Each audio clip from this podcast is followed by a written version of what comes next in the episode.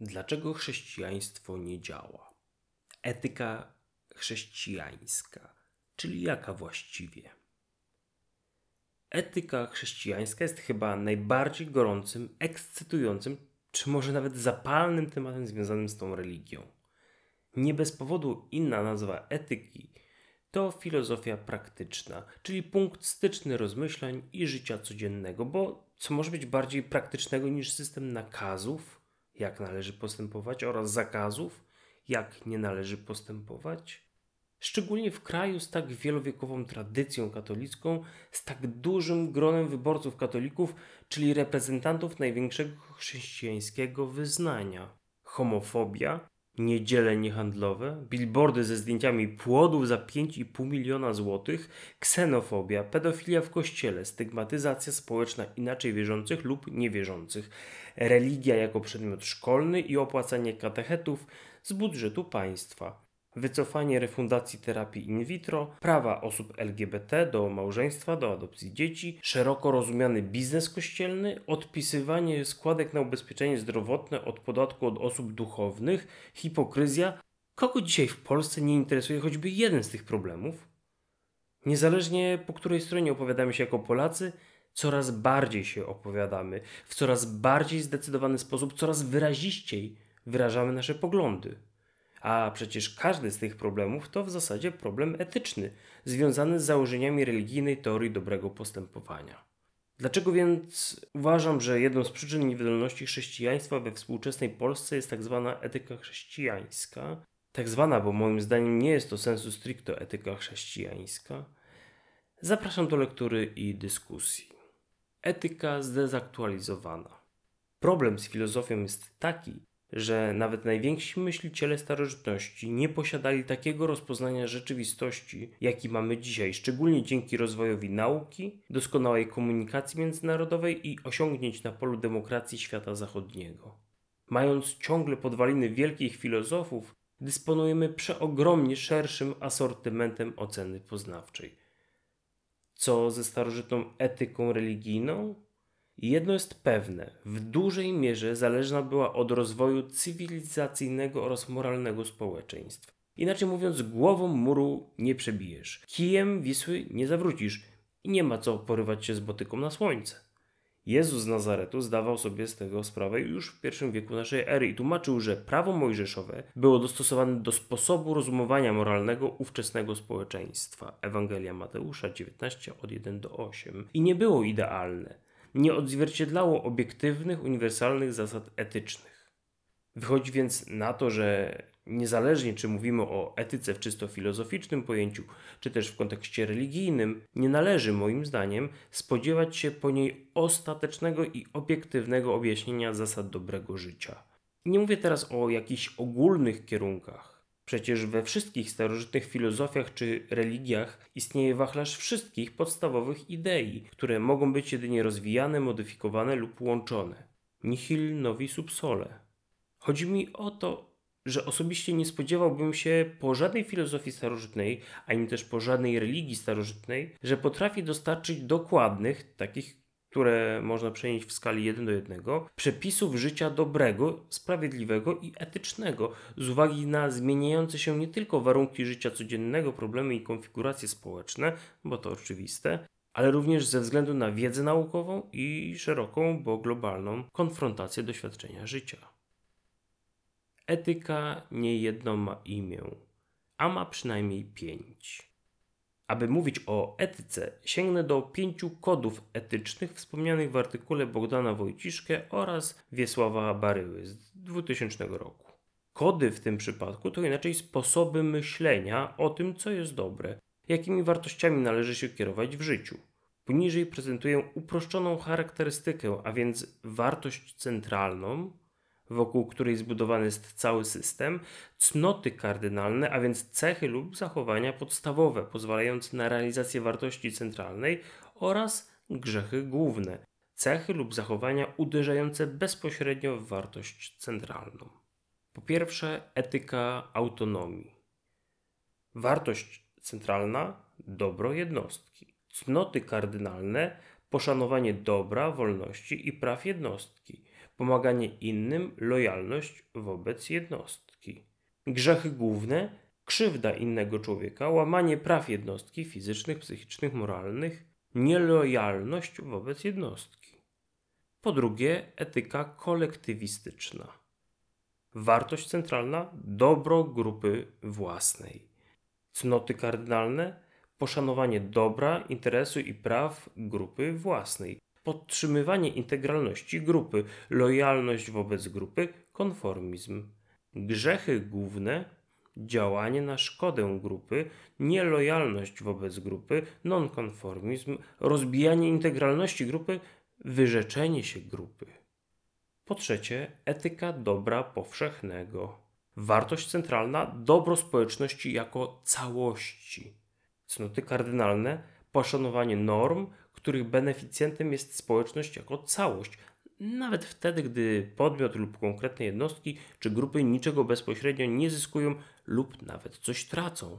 Grzechy główne łamanie norm, których beneficjentem jest społeczność jako całość. Wtedy, gdy podmiot lub konkretne jednostki grupy niczego bezpośrednio nie zyskują na nich na ich przestrzeganiu. Po czwarte, etyka godności. Wartość centralna życie w godny sposób. Cnoty kardynalne, duchowość, ziemska lub pozaziemska, honor, pogarda dla wartości materialnych, utrzymanie czystości, klasy, kasty, grzechy główne, pokalanie się, utrata zdolności honorowej, nieodpowiednia forma, pogoń za dobrami materialnymi, zmiana tego, co uświęcone tradycją. I po piąte, etyka produktywności. Wartość centralna produkcja dóbr Cnoty kardynalne użyteczność, skuteczność, pracowitość, oszczędność, odraczanie gratyfikacji, sukces. Grzechy główne bezproduktywność, lenistwo, marnotrawstwo dóbr czasu, pospieszna konsumpcja, pięknoduchostwo, porażka. Wyżej wskazane kody posłużą nam niebawem do mówienia o etyce chrześcijańskiej, tej postulowanej, jak powinno być, jak i tej realizowanej, jak jest. Jednak zanim przejdziemy do sedna, pozwolę sobie na trzy krótkie akapity o tym, dlaczego tak mało ludzi zadaje sobie te dwa pytania. Geniusz niezrozumiany. No właśnie, co miał na myśli Jezus z Nazaretu, gdy mówił o miłowaniu nieprzyjaciół? Co sądził na temat grzechu bogacenia się kosztem biednych czy pożądania dóbr materialnych? Co Jezus ma do powiedzenia, gdy idzie o politykę państwa i jej powiązania z religią? Dlaczego Jezus łamał stereotypy społeczne oraz religijne swojego narodu, swojej religii? W imię czego? Dlaczego przegonił tych, którzy zrobili interes w świątyni Boga Jahwe? Dlaczego rozmawiał publicznie z kobietą obcoplemienną, półpoganką i mieszkającą z mężczyzną bez ślubu, co ówcześnie nie mogło zostać odebrane jakkolwiek dobrze? W końcu, co Jezus chciał przekazać swoją śmiercią i słowami wypowiadanymi na krzyżu? Ale po co się nad tym zastanawiać? Przecież jesteśmy chrześcijanami, więc nasz sposób rozumowania moralnego na pewno jest chrześcijański. Być może dlatego Jezus z Nazaretu mówi, że będzie miał wielu rzekomych uczniów, do których on się nigdy nie przyzna i powie: Nigdy was nie znałem, spadajcie stąd. Ewangelia Mateusza 7:21-23. Biorąc pod uwagę, jak często autorzy są błędnie rozumiani przez swoich czytelników, nadawcy komunikatów przez odbiorców, a tym bardziej geniusze przez społeczeństwo, uważam, że więcej nie umiemy i nie rozumiemy z nauczania Jezusa, niż rozumiemy i potrafimy. Bardziej prawdopodobne jest, że to my jesteśmy w błędzie, niż że przeniknęliśmy ten wielki umysł starożytnego żydowskiego nauczyciela. Co więcej, sądzę, że jeszcze więcej mamy do oduczenia się, zapomnienia, zaniechania, porzucenia, wyparcia się i przeproszenia. Warto więc, przynajmniej dla chrześcijan powinno to być wartością, aby prowadzić regularny namysł nad nauczaniem i życiem mistrza z Galilei. Etyka niechrześcijańska. Jak wspomniałem, sądzę, że niezrozumienie sedna przesłania etyki chrześcijańskiej jest bardzo istotną przyczyną niewydolności, czy może nawet nieudolności tej religii we współczesnej Polsce. Oczywiście nie jest tak, że nie ma nic. Że etyka chrześcijańska nie ma nic wspólnego ze swoim bliskowschodnim mistrzem. Właśnie problem jest, że ma coś wspólnego. Przypominają. Niestety, na tej samej zasadzie jak karykaturalny szkic przypomina człowieka, który posłużył za modela, albo jak piosenka śpiewana przez jednego z pechowych i odważnych uczestników Idola czy Mam Talent przypomina swój oryginał, wykonywany przez wielkich artystów.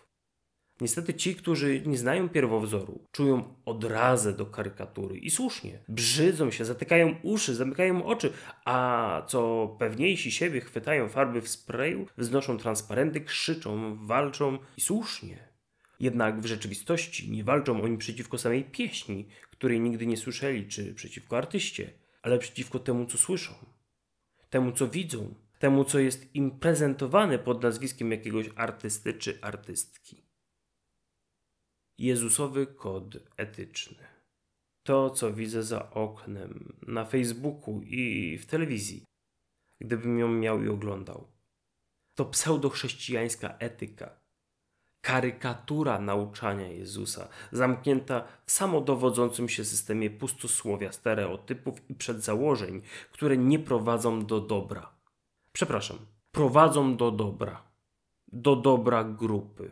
A więc mamy już pierwszy typ Chrześcijaństwo realizuje etykę kolektywistyczną. Kto nie jest z nami, ten jest przeciwko nam. Ewangelia Łukasza 11:23. Tak, Jezus powiedział takie słowa, ale powiedział również zupełnie odwrotnie. Kto nie jest przeciwko nam, jest z nami. Łukasz 9:50. Tak więc bez kontekstu wszystko można sobie podciągnąć, nadinterpretować i wykorzystać w znaczeniu angielskiego abuse. Chrześcijanie w Polsce w XXI wieku, niezależnie czy to katolicy, czy protestanci, to w dużej mierze osoby zorientowane denominacyjnie, aby wzmacniać własne kościoły, własne parafie, zbory, diecezje swoich. Jednak nie tego nauczał Jezus Nazaretu. Przecież gdy ktoś zapytał go, kto jest moim bliźnim, Jezus odrzekł, że nie ten, który przynależał formalnie do etnicznej i religijnej grupy, ale ten, kto okazał serce potrzebującemu. Ewangelia Łukasza 10, 29 do 37. Jezus nie nauczał wspierania własnej grupy, nawet jeśli to była grupa jego najbliższych uczniów. Etyka kolektywistyczna nie była kodem etycznym Jezusa Chrystusa. Z góry możemy również odrzucić etykę produktywności, zwaną także protestancką etyką pracy. To oczywiste, że Jezus nie dążył ani nie chwalił bogactwa materialnego. Ewangelia Mateusza 6 od 19 do 24. Niemniej jednak ciągle w kościele, również moim, znajdują się ludzie, którzy etykę produktywności przenoszą na strefę czy sferę misji pozyskiwania nowych członków, jak gdyby Kościół był fabryką wyznawców, a ilościowy wskaźnik nawróceń świadczył o poziomie duchowości Kościoła. To jednak również nie jest język etyczny, którym myślał i mówił nauczyciel z Nazaretu. Bądź co bądź, z religią niemalże automatycznie możemy skojarzyć etykę godności, która odwołuje się do duchowości, do wartości, ideałów, norm i celów niematerialnych, do rycerskiego honoru. Wydaje się, że tym kodem etycznym posługują się naprawdę zaangażowani chrześcijanie, oddani temu, co uważają za Boga. O ile jestem w stanie zgodzić się, że system wartości oraz honor są wartościami zauważonymi przez Jezusa, to jednak nie stanowią osi centralnej. Sam nauczyciel występował przeciwko tradycji i kanonom postępowania. Ludzkie nakazy, interpretacje i zwyczaje zawsze zajmowały dalsze miejsce, szczególnie wtedy, gdy wchodziły w konflikt z dobrem konkretnego człowieka. Ewangelia Mateusza 23, 4 i 13. Nawet wtedy, gdy mowa była o bardzo istotnym dla Żydów szabacie. Ewangelia Marka 2, 27. W uszach swoich rodaków i współbraci Jezus odbierany był jako bałwochwalca czy bluźnierca. Tradycja była ważna w etyce Żydów, ale wędrowny cudotwórca z Nazaretu miał inne zdanie. Etyka godności nie była kodem etycznym Jezusa. Bardzo możliwe, że jedną z lepszych opcji jest etyka dobra powszechnego. Przecież sam Jezus zalecał, aby wykluczać ze społeczności tych, którzy nie wykazują poprawy w postępowaniu. Ewangelia Mateusza 18 od 6 do 9, od 15 do 18, aby uratować całe ciało. Jednak sądzę, że równie ważną, o ile nie istotniejszą etyką była Jezusowa etyka autonomii. Radykalnym przykładem swojego życia Jezus Chrystus uwyraźnił, że jest on darem dla każdego jednego człowieka. Tym bardziej, że aby całość, powszechność była dobra, musi składać się z uratowanych jednostek. A czy nie to było właśnie sednem misji Jezusa? Albowiem Syn Człowieczy przyszedł ocalić to, co zginęło. Ewangelia Mateusza 18:11. Wyrazistym przykładem myślenia o jednostce jest przypowieść o zgubionej owcy. Ewangelia Łukasza 15 od 4 do 7, podczas gdy 99 pozostawiono bezpiecznie w zagrodzie. Pasterz udaje się na poszukiwania tej jednej zagubionej. I to ta jedna odnaleziona jest powodem większej radości całego nieba niż 99, które nie potrzebowały ocalenia. Podobnie też ma się sprawa ze wspomnianą wcześniej rozmową z kobietą samarytańską. Ewangelia Jana, 4 rozdział od 1 do 42 wersetu, czy kobietą przyłapaną na cudzołóstwie Ewangelia Jana, 8 rozdział od 1 do 11 wersetu. Niewątpliwie Jezus nie bał się ryzykować własnego dobra czy własnego dobrego imienia, czy nawet bezpieczeństwa, gdy w grę wchodziło jednostkowe życie. Każdy jeden człowiek, mężczyzna, kobieta, dziecko, obcokrajowiec, okupant, innowierca, chory, zdrowy, wykluczony społecznie, bogaty, biedny, wykształcony, niewykształcony, radykalny czy liberalny. Każdy. Czy etyka Jezusa to etyka chrześcijańska? Nie wydaje mi się. Chrześcijaństwo ma za sobą dwudziestowiekową tradycję, funkcjonuje w różnorodnych kontekstach kulturowych i zetknęło się z całą masą rozmaitych dylematów etycznych, o których ludzie w pierwszym wieku naszej ery w jednej z rzymskich prowincji nigdy nie słyszeli, czy nawet nie śniło im się. To z kolei oznacza, że to, co dzisiaj nazywamy chrześcijańską teorią dobrego postępowania, nie jest tym samym, czego nauczał Jezus. Ale to nie jest problem. Prawdziwe pytanie powinno brzmieć, czy współczesna etyka chrześcijańska jest zgodna z podstawowymi wartościami, jakie przedstawił w swoim nauczaniu i życiu Jezus z Nazaretu. Mam wątpliwości. Nie. Nie mam wątpliwości. Jestem przekonany, że tak nie jest. I nie trzeba być wybitnym teologiem czy filozofem, aby dostrzec, że pod płaszczykiem religijnych nakazów chrześcijaństwo bardzo skutecznie realizuje najczarniejsze scenariusze szatana. Mówiąc chrześcijaństwo, nie mam na myśli wszystkich kościołów albo wszystkich chrześcijan. Mam na myśli ogół, większość, a także tendencję. Niestety, mówiąc, że nie mam na myśli wszystkich kościołów, nie twierdzę, że znam kościół, który uchronił się przed pokusą robienia dobra na siłę. A to chyba największy grzech, który przeczy całemu stworzonemu światu. Świat ten otrzymał wolność błądzenia od samego Boga. Chrześcijanie jednak chcą prześcignąć swojego Stwórcę i usilnie dążą do opracowania takiej wizji państwa, gdzie wszystkie dobre rzeczy dzieją się na mocy ustawy, nacisku i ostracyzmu społecznego.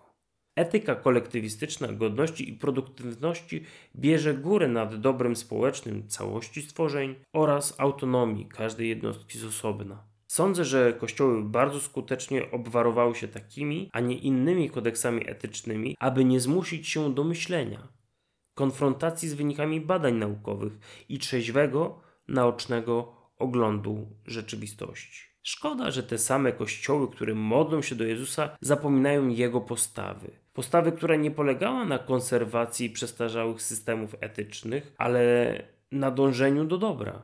Najpierw jednostki, a później całej społeczności stworzeń. Jeśli chrześcijaństwo ma jakkolwiek działać, moim zdaniem, winno gruntownie przemyśleć nie tyle zakazy i nakazy zawarte w Biblii, co ducha wypowiedzi i postępowania Jezusa. Ten starożytny nauczyciel dokonał rewolucji, która jeszcze się nie wydarzyła, na której spełnienie jeszcze czekamy. Przebudzone indywidua już doświadczają tej rewolucji w swoich sercach, łączą się ze źródłem miłości i rozumieją, wiedzą. Większość jednak krąży w mroku światopoglądu sprzed dwóch tysięcy lat. Licząc na to, że społeczeństwo wykluczające kobiety, dzieci oraz sankcjonujące niewolnictwo miało właściwe zrozumienie zamysłu Boga.